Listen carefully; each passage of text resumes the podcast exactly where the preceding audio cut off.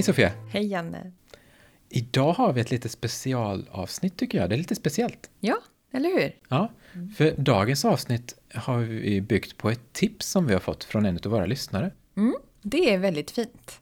Det är jättekul och det uppmuntrar vi verkligen till er som lyssnar att komma in med fler tips eller önskemål. Det kan ju vara så att du känner att till eh, nästa avsnitt så skulle jag jättegärna vilja att det handlade om någonting som jag verkligen behöver. Mm. Och så var det den här gången. Både och liksom. Det var dels ett uttalat behov från en lärare som sa att jag skulle vilja veta mer om det här ämnet. Yeah. Och jag har hittat en avhandling som kanske skulle kunna passa. Så en bildlärare hörde av sig till mig och sa att Ingrid Forslers avhandling, den skulle ni väl kunna göra ett avsnitt om. Ja. Sagt och gjort. Nu sitter vi här med boken ja, och vi har gjort en intervju. Ja, det har vi. Och vi har träffat Ingrid Forsler som eh, har disputerat väldigt nyligen vid Södertörns högskola i medie och kommunikationsvetenskap. Ja, och vi brukar ju fokusera på färsk forskning i den här podden.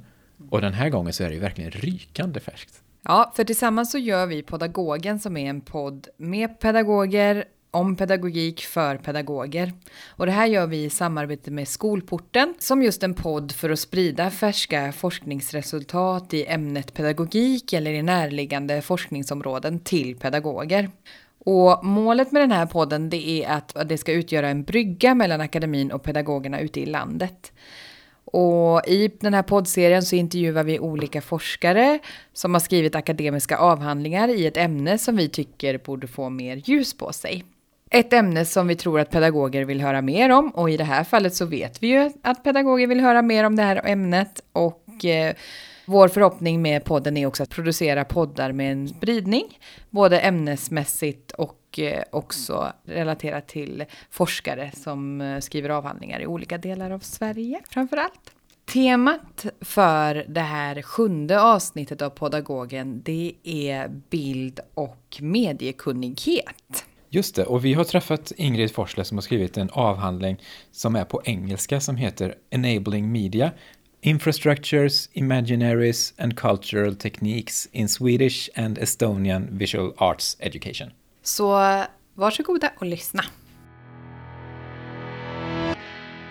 Hej Ingrid, vad roligt att du ville vara med och eh, bli intervjuad av oss här inför Podagogen.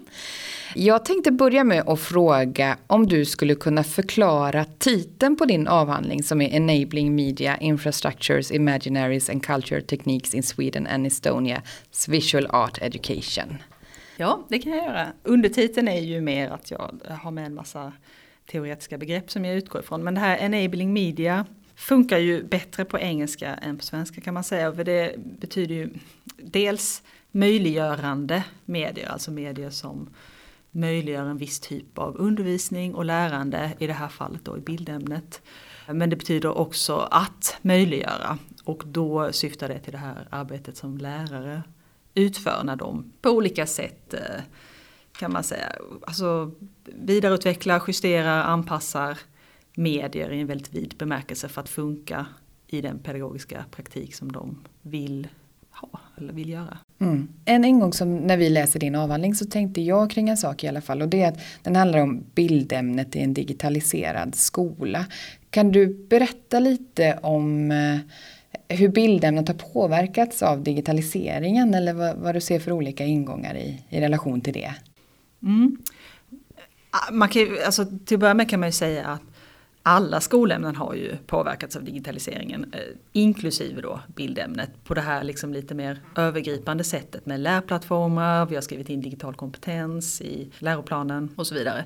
Men bildämnet har, argumenterar jag då för den här avhandlingen, lite ett, ett närmare förhållande till olika medier, för det har ändrats så oerhört mycket sen det introducerades då med, med folkskolan på, i slutet av 1800-talet. Så att man kan väl säga att Dels så ehm, använder ju bildämnet väldigt mycket digitala tekniker. Man använder digital bildredigering och så vidare och det här liksom är en eh, viktig del av bildämnet. Men digitaliseringen används också för att motivera relevansen av ämnet av lärare i väldigt hög utsträckning. Som man säger att ja, men bildämnet det har alltid varit viktigt men det är ännu viktigare nu när vi lever i en medialiserad värld med, med ett väldigt stort flöde av digitala bilder till exempel.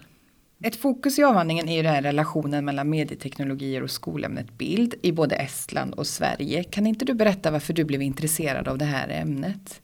Jo, jag är, jag är utbildad bildlärare från början och eh, har jobbat på gymnasiet och då hade jag också väldigt mycket, jag är inte utbildad medielärare egentligen, men jag hade väldigt mycket eh, ämnen som gränsade till de här mediekurserna, det är lite annorlunda uppdelat på gymnasiet. Så jag hade till exempel rörlig bild, jag hade väldigt mycket eh, kurser i fotografi och så. Och sen parallellt med det här då så var det hela tiden den här diskussionen om eh, media literacy eller mediekunnighet på svenska. Och jag tyckte liksom på något sätt att det fanns ett glapp där kring hur, hur man pratade om media literacy i den här mer liksom policy diskursen och hur man pratade och jobbade med media i bildämnet. Så det var liksom lite grann i det här skavet som jag blev intresserad av ämnet. Och sen också kan man säga att eh, när man pratar om bildämnet som ett, ett eh, mediekunnighetsämne så är ju det från början en väldigt så kritisk tradition. Man liksom är intresserad av kritiskt granska bilder. Men samtidigt så skedde den här digitaliseringen av skolan som är på många sätt helt okritisk. Att man liksom använder sig av Google Classroom utan att reflektera över, eller man kanske reflekterar över det, men man i alla fall låter det hända att de samlar in en massa användardata till exempel om eleverna eller liksom utbildar en hel generation till att använda deras produkter och tjänster och så. Så jag tyckte det var också väldigt märkligt liksom att man pratar om mediekunnighet som en kritisk färdighet å ena sidan och sen å andra sidan den här liksom hård kommersiella och ganska instrumentella digitaliseringen av skolan. Så jag ville undersöka liksom det glappet där kan man säga. Mm. Varför blev det just studier i Sverige och Estland? Vad skiljer estnisk från den svenska bildpedagogiken? Och kan du se saker som vi kan lära av varandra utifrån studierna i de här olika länderna? Ja absolut, det är ganska mycket som skiljer och vid något tillfälle tänkte jag nästan kan vi ens, kan jag ens jämföra de här grejerna för det är, det är väldigt väldigt olika. För i Sverige har det är ju en jättelång tradition och bildämnet man kan säga att det har förändrats jättemycket men det är också relativt stabilt. Det sker inom, liksom, eh, inom grundskola och gymnasium, alltså inom eh, obligatorisk undervisning. Medan det i Estland då har förändrats väldigt, väldigt mycket. Alltså det introducerades som teckning ungefär som i Sverige men sen under Sovjettiden så blev det kan man säga tre olika ämnen. Alltså bildämnet i skolan försvann helt och blev någon slags sån här industriträning. Och istället så uppstod en massa konstskolor ehm, utanför den obligatoriska undervisningen som, som var väldigt, väldigt ambitiöst och väldigt utvecklat. Och nu kan man säga att det här lever ju kvar till viss del. De har fortfarande ett otroligt imponerande nätverk av sådana här kulturskolor i Estland som tar hand om mycket av liksom fördjupningen i bildämnet. Och sen, ja, sen har det också funnits en period när, när bildundervisning var mer konsthistoria och det har ju också gett avtryck i Estland. Att många klassrum till exempel, det är vanliga klassrum som mm. bilden ska utföras i och det är klart att det sätter ju vissa ramar kring vad man kan göra. Och, så. Mm. Och sen har de också lite andra ämnen än vad vi har i Sverige. Så mycket som vi kanske gör i svensk bildundervisning som handlar om just om det här mediekunnighet. Det tar man hand om inom ett annat ämne som heter teknologi till okay. exempel. Mm. Så att det är väldigt olika men om man inte utgår från att det är samma sak så kan man ändå få syn på intressanta saker tänker jag. Ja, jättespännande ju. Det känns ju som att det är väldigt relevant att undersöka de här två olika ländernas erfarenheter. Vad menar du med infrastrukturer? Ja, det är en fråga som man ofta får för att infrastruktur är ett sånt här jättebrett begrepp. Och anledningen att jag använder det, det är att det Alltså det pekar på lite andra perspektiv, man kan göra lite annat i analysen om man använder det här begreppet än om man använder medier på något sätt. Mm. Så att en, en, infrastruktur är ju mer de eh, strukturer eller diskurser eller system som nya medier bygger på, eller som alla medier bygger på. Så att det är liksom de här mer, eh, eh, ja vad ska man säga, förutsättningarna. Mm. Förutsättningarna för medier kan man för säga. Medier, ja. I din avhandling så har ju du jobbat med lite olika typer av metoder för att samla in data och gjort eh, lite olika typer av studier. Du har ju bland annat gjort intervjuer med experter och eh, du har också jobbat med Future Workshop som metod och sen också videopromenader. Och när vi läste den här så fastnade vi ju för de här olika typerna av metoderna som du har jobbat med. Skulle du kunna berätta lite för oss eh, om de här metoderna och också lite vad de har gett sett i relation till studien? Mm. Jo men eh, det som jag beskriver också så är ju de, det här metodpaketet, det var ingenting som jag satt på min kammare och planerade, det gör man ju kanske sällan i den här typen av studier, utan det växte fram så att det finns ju också en, en hel del eh, material som inte finns med här. Så att det, det började väldigt liksom tentativt med att jag har varit, var på olika universitet och Finland var också med faktiskt i den här studien från början men har mm. Sen blivit bortpetat för att jag hade ont om tid. Man ska säga. Mm. jo, då gjorde jag ju intervjuer med eh, framförallt faktiskt med lärarutbildare som utbildar bildare och de gav ganska mycket tycker jag. Men det som tenderar att hända när man kommer som forskare i medie och kommunikationsvetenskap det är att det blir väldigt fokuserat på en eh, sån här populär definition av medier som digitala medier till exempel. Så det blir väldigt mycket att folk Speciellt praktiserande bildlärare som ju gör väldigt spännande saker ofta. Men det blir ett väldigt fokus liksom på klassrumssituationen, på pedagogisk användning av medier. Och jag var inte så jätteintresserad av det utan jag var mer intresserad på, av eh, föreställningar om medier och vad de kan göra med, med undervisning. Men också väldigt så här vardagliga och lite tråkiga praktiker. Så för att på något sätt fånga det så gjorde jag de här lite mer riktade metoderna också som ju var mycket mer konstruerade situationer kan man säga. Eller en intervjusituation är väl också konstruerad. Men, så att om man börjar med de här videopromenaderna så var det egentligen så här att ofta när jag skulle göra en intervju så kanske vi gick runt och tittade lite på lokalen innan och då fick jag reda på en massa intressanta saker. De sa men här och här brukar jag flytta och jag får gå med vattnet från den här änden till hit och titta här har vi massa sladdar och jag vet inte var de ska ta vägen. Och det tyckte jag var jätteintressant men de där grejerna kom inte riktigt upp i intervjuerna för att lärarna tänk, alltså man, man tänker kanske inte att det är så intressant. Liksom. Så för att fånga det så gjorde vi de här videopromenaderna som egentligen bara var att vi gick igenom lokalerna där de här lärarna och lärarutbildarna var, var verksamma och så, så tittade vi och då kom ju alla de här grejerna upp. Allt det här möjliggörandet som de faktiskt ägnar sig åt mm. blev väldigt tydligt. Och sen de här eh, Future Workshop som de kallas då, det är en metod som egentligen är utvecklad för att eh, eh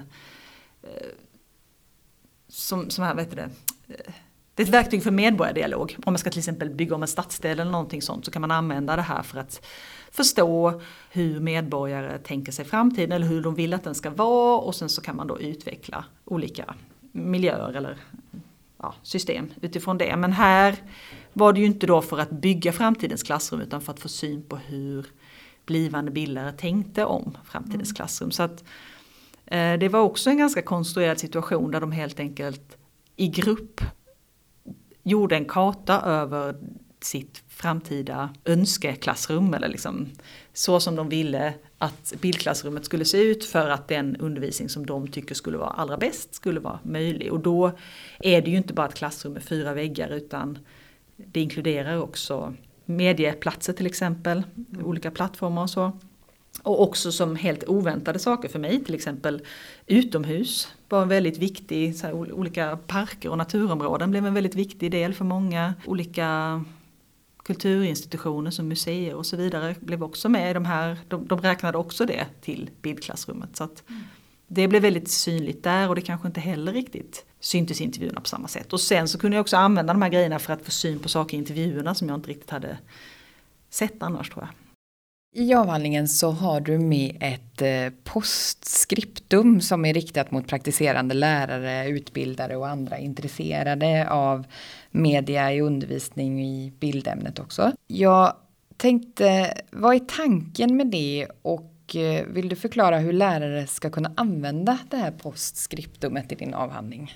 Mm, det är med som en nästan direkt svar på en fråga som jag fått när jag presenterat det här i olika sammanhang med lärarna. De säger ja det här är intressant men vad har det för relevans för oss? Och det är ju en väldigt relevant fråga tycker jag. Och det är väl också tänkt lite som en service. Alltså, jag har ju också jobbat som lärare och man kanske inte har tid att sitta och läsa avhandling efter avhandling. Så det, på ett sätt så är det som en sammanfattning med lite mer fokus på pedagogisk praktik, alltså ganska hands-on. Så att tanken är väl inte kanske att man ska ta det här, det är ju en läroplan med väldigt konkreta uppgifter.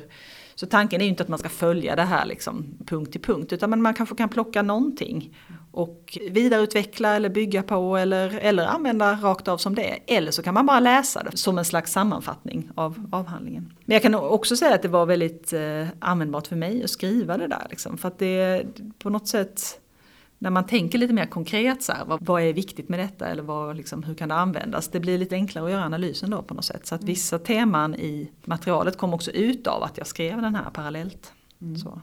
Jag tänker att den är jätteanvändbar och superintressant också för väldigt många. Och eh, du tar ju upp tre olika moduler där. Mm. Dels är det mediaarkeologi i bildklassrummet, mediainfrastruktur och visuell kultur och sen är det data, infrastruktur och visualisering av kunskap. Kan du berätta lite mer om de här tre olika modulerna? Mm, det kan jag göra. Man kan säga att utgångspunkten är att man pratar om bildämnet som ett alltså ett mediekunnighetsämne, ett media literacy-ämne.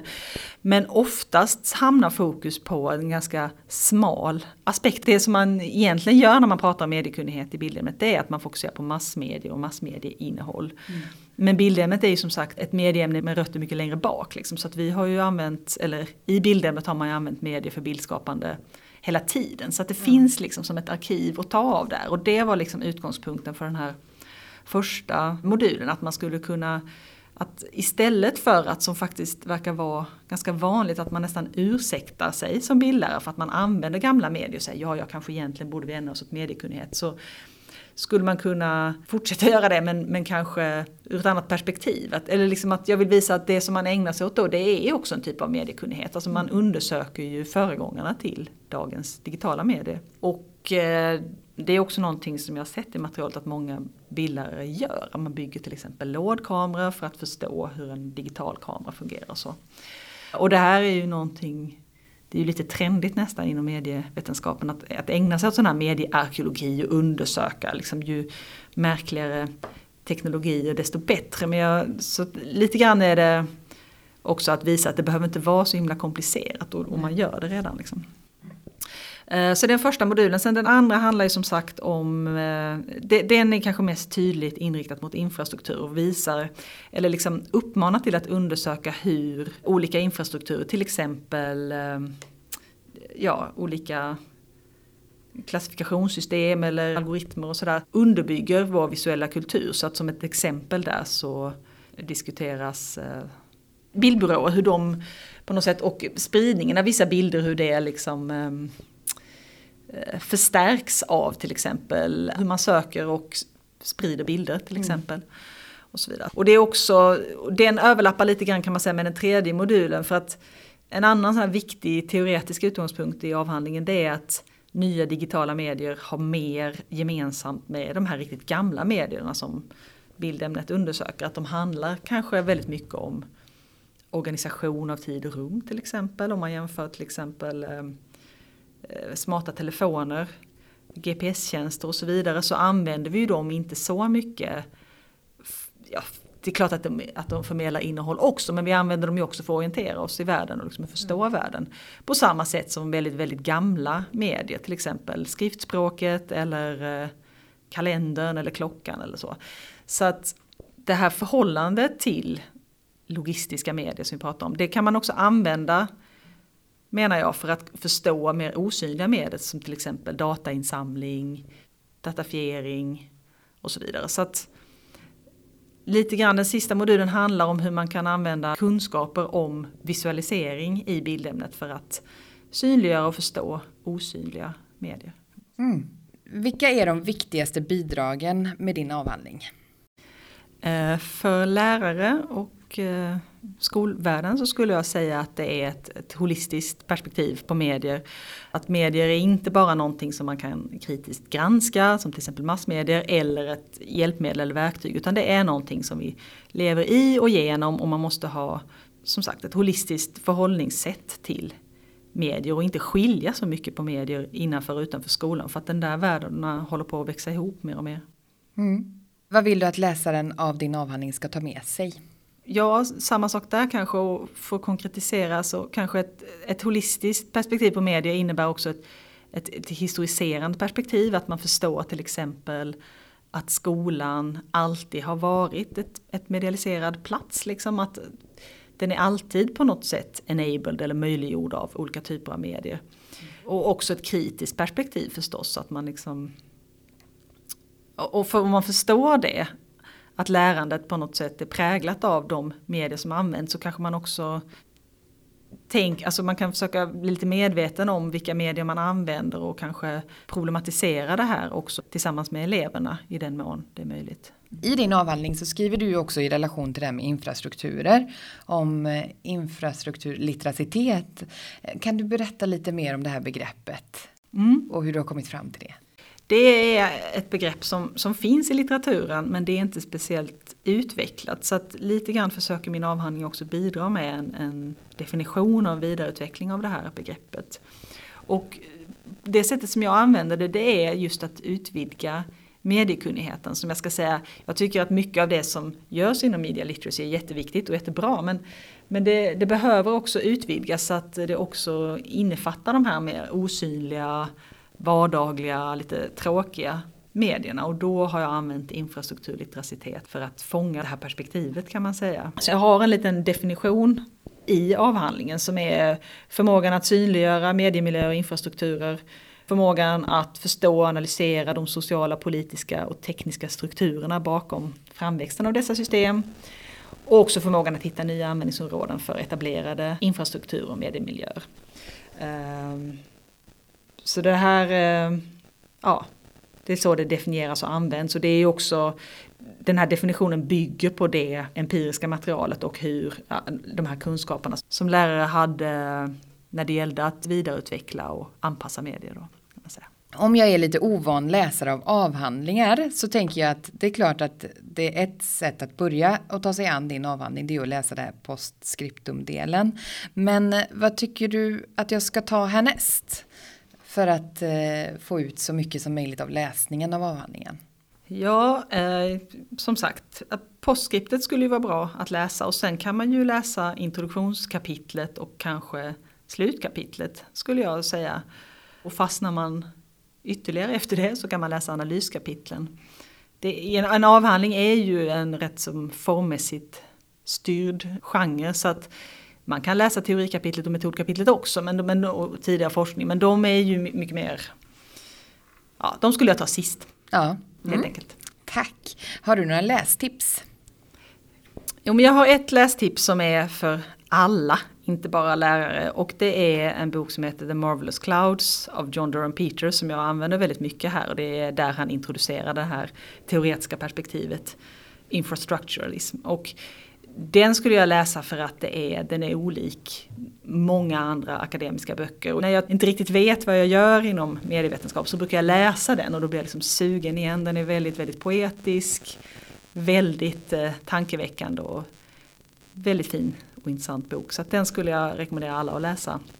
Sen för lärare kan jag rekommendera en klassiker och det är Larry Cubans Teachers and Machines som är en historisk eh, genomgång över olika försök att introducera datorer i undervisning. Som är jättebra just för att få det här historiserande perspektivet och förstå att det här är ingenting som började eh, för fem år sedan utan det är liksom en lång, lång, lång historia. Det handlar om, det handlar om föreställningar om vad man tror att skolan, eller vad man tänker att skolan ska vara till för helt enkelt. Mm, jättebra tips. Vad gör forskaren Ingrid Forsler idag? Och vad har du för planer för framtiden här nu? Mm. Idag, idag. Ja. ja, idag sitter jag här och pratar med er, det är väldigt trevligt. Sen ska jag ha ett möte om en lärobok som vi ska skriva om eh, medieteknologier i förändring. Det kan ju vara ett framtida Jätte, lästips ja, kanske. Verkligen, ja.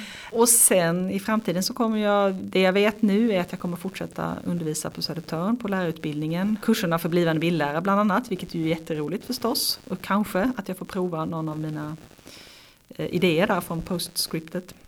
Jag ska också undervisa lite grann på Beckmans i kurser i visuell kultur.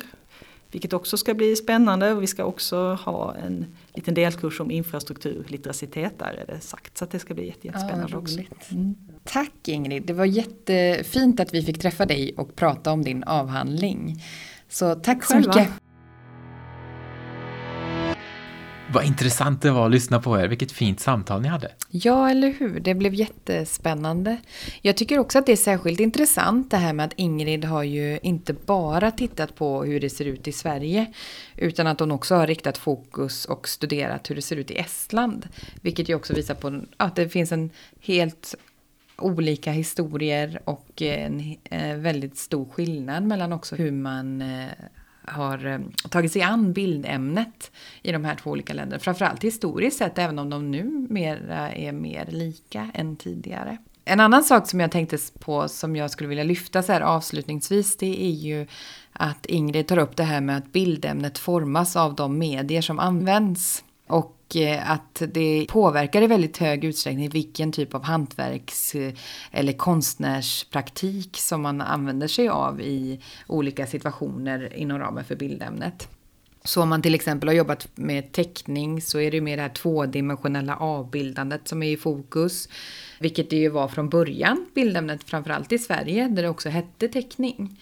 Men att det nu ingår mycket mer undervisning i hur man ska tolka och förstå bilder och att eh, kunna förstå dels hur bilder skapas men också att tolka bildinnehåll. Vilket ju också är väldigt hög utsträckning påverkas av medieanvändningen.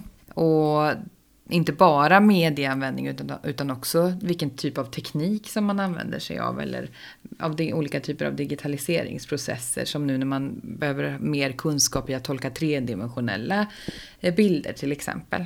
Så att eh, vilken typ av medier och vilken teknik som används det påverkar ju hur hög utsträckning hur de här bilderna också kan tolkas och förstås. Och att det har blivit väldigt centralt inom ramen för bildämnet. Ja, och det kan hon visa genom sina intervjuer med de här verksamma lärarna både i Sverige och i Estland. Mm. Eh, och någonting hon kan visa också är ju det här eh, fokuset på bildtolkning, bildmediering och den, här praktikerna som dagens ungdomar och människor överhuvudtaget i västvärlden lever i. Som är så dränkt i bilder mm. och särskilt genom olika digitala medier och så. Och det är ju därför inte särskilt överraskande heller då att mycket av bildlärarens arbete och praktik handlar om att försöka förstå de här eh, nya sätten att producera och konsumera bilder. Men det som vi märker också att Ingrid Forsler i sin avhandling försöker lyfta är ju det här att också komplettera detta med ett fokus på det att vara en arkeolog som pedagog. Att gräva lite grann i, men de här sätten att producera och konsumera bilder har inte uppstått från ingenstans, utan Nej. de har ju funnits där tidigare också, men sett annorlunda ut. Och hur har den utvecklingen sett ut? Och där har man kanske ett arbete att göra som bildpedagog, att man det kanske inte skadar att gå tillbaka och låta eleverna göra lådkameror eller vad det nu kan vara för att förstå den här analoga tekniken som har lett fram till den här digitala samtiden. Mm, det tror jag är jätteviktigt för att kunna förstå hur bilder är uppbyggda och mm. konstruerade. Mm. Och ett sätt att göra detta, och det här är en del av Ingrids avhandling som jag tycker väldigt mycket om, det är den här avslutande delen, postskriptet. Ja, för att precis som vi pratade om i intervjun så finns ju det en del i avhandlingen som är ett postskript som är väldigt tydligt riktat för hur man faktiskt kan använda sig av de saker som Ingrid har kommit fram till i sin avhandling. Och där vi tar upp de här olika dimensionerna eller temana som hon lyfter också. Och det där är ju någonting som är superbra i just akademiska avhandlingar. Att förtydliga lite. Ingrid beskrev ju också att det var viktigt för henne för att det blev också som en röd tråd sen för att få ihop den här texten. Och om man utgår från baklänges och tittar på det här först så blir ju det också ett sätt att nysta upp i vad faktiskt avhandlingen handlar om. Det är ju någonting som jag tror att vi som eh, jobbar som forskare överlag borde bli bättre på. Att också kunna formulera att hur ska det här faktiskt kunna sättas i användning? Hur ska de här akademiska avhandlingarna som skrivs i pedagogik eller i något närliggande ämne faktiskt användas av pedagoger? ja, precis. Och där tror jag att vi ofta är, och vi är väldigt skickliga på att säga att ja, men, det här vi, det bygger på tidigare forskning, det vi har kommit fram till och våra resultat kanske till och med flyttar fram gränsen för vad vi kan göra som forskare och vad forskningen kan liksom komma fram till. Men hur ska vi som lärare kunna ta till oss utav dina resultat och vad kan vi göra med dem? Det är vi lite sämre som forskare ibland på att formulera. Mm. Och det, jag tror att det är därför jag gillar det här avsnittet så mycket. För här finns det liksom en kursplan nästan, att, en ja. läroplan att följa med olika moduler att som lärare skulle kunna arbeta med. Och kanske inte till punkt och pricka, men man skulle kunna gå in och liksom känna och smaka på. Men de här delarna skulle jag kunna faktiskt använda utav dina resultat. Och jag känner mig träffad. Jag skulle definitivt kunna bli bättre på att också kunna göra någon slags reklam för ja men jag har kommit fram till detta, det här kan du ha användning av på det här sättet. Ja. Att, att börja alla... formulera sig så. Just det, vilket ju också är en utmaning. Men, men någonting som vi alla borde jobba mer på tror jag. Mm. Mm. Ja, men jag tror att det är dags för oss att avrunda det här avsnittet, det sjunde avsnittet av Podagogen. Och Eh, avslutningsvis så vill vi såklart tacka Ingrid som vi träffat i det här avsnittet. Men vi vill också tacka Riksbankens jubileumsfond som finansierar delar av den här pedagogen. Vi vill också tacka vår samarbetspartner Skolporten och så vill vi också tacka MT Talks och SO Medieproduktion vid Södertörns högskola som också är med och sponsrar avsnittet med hjälp för redigering och produktion av själva podden. Och vi vill tacka våra inspelningstekniker naturligtvis, Isabella Gös och Daphne Törn som producerar det här avsnittet. Så tack så mycket och tack för att ni har lyssnat. Ha det fint! Ha det!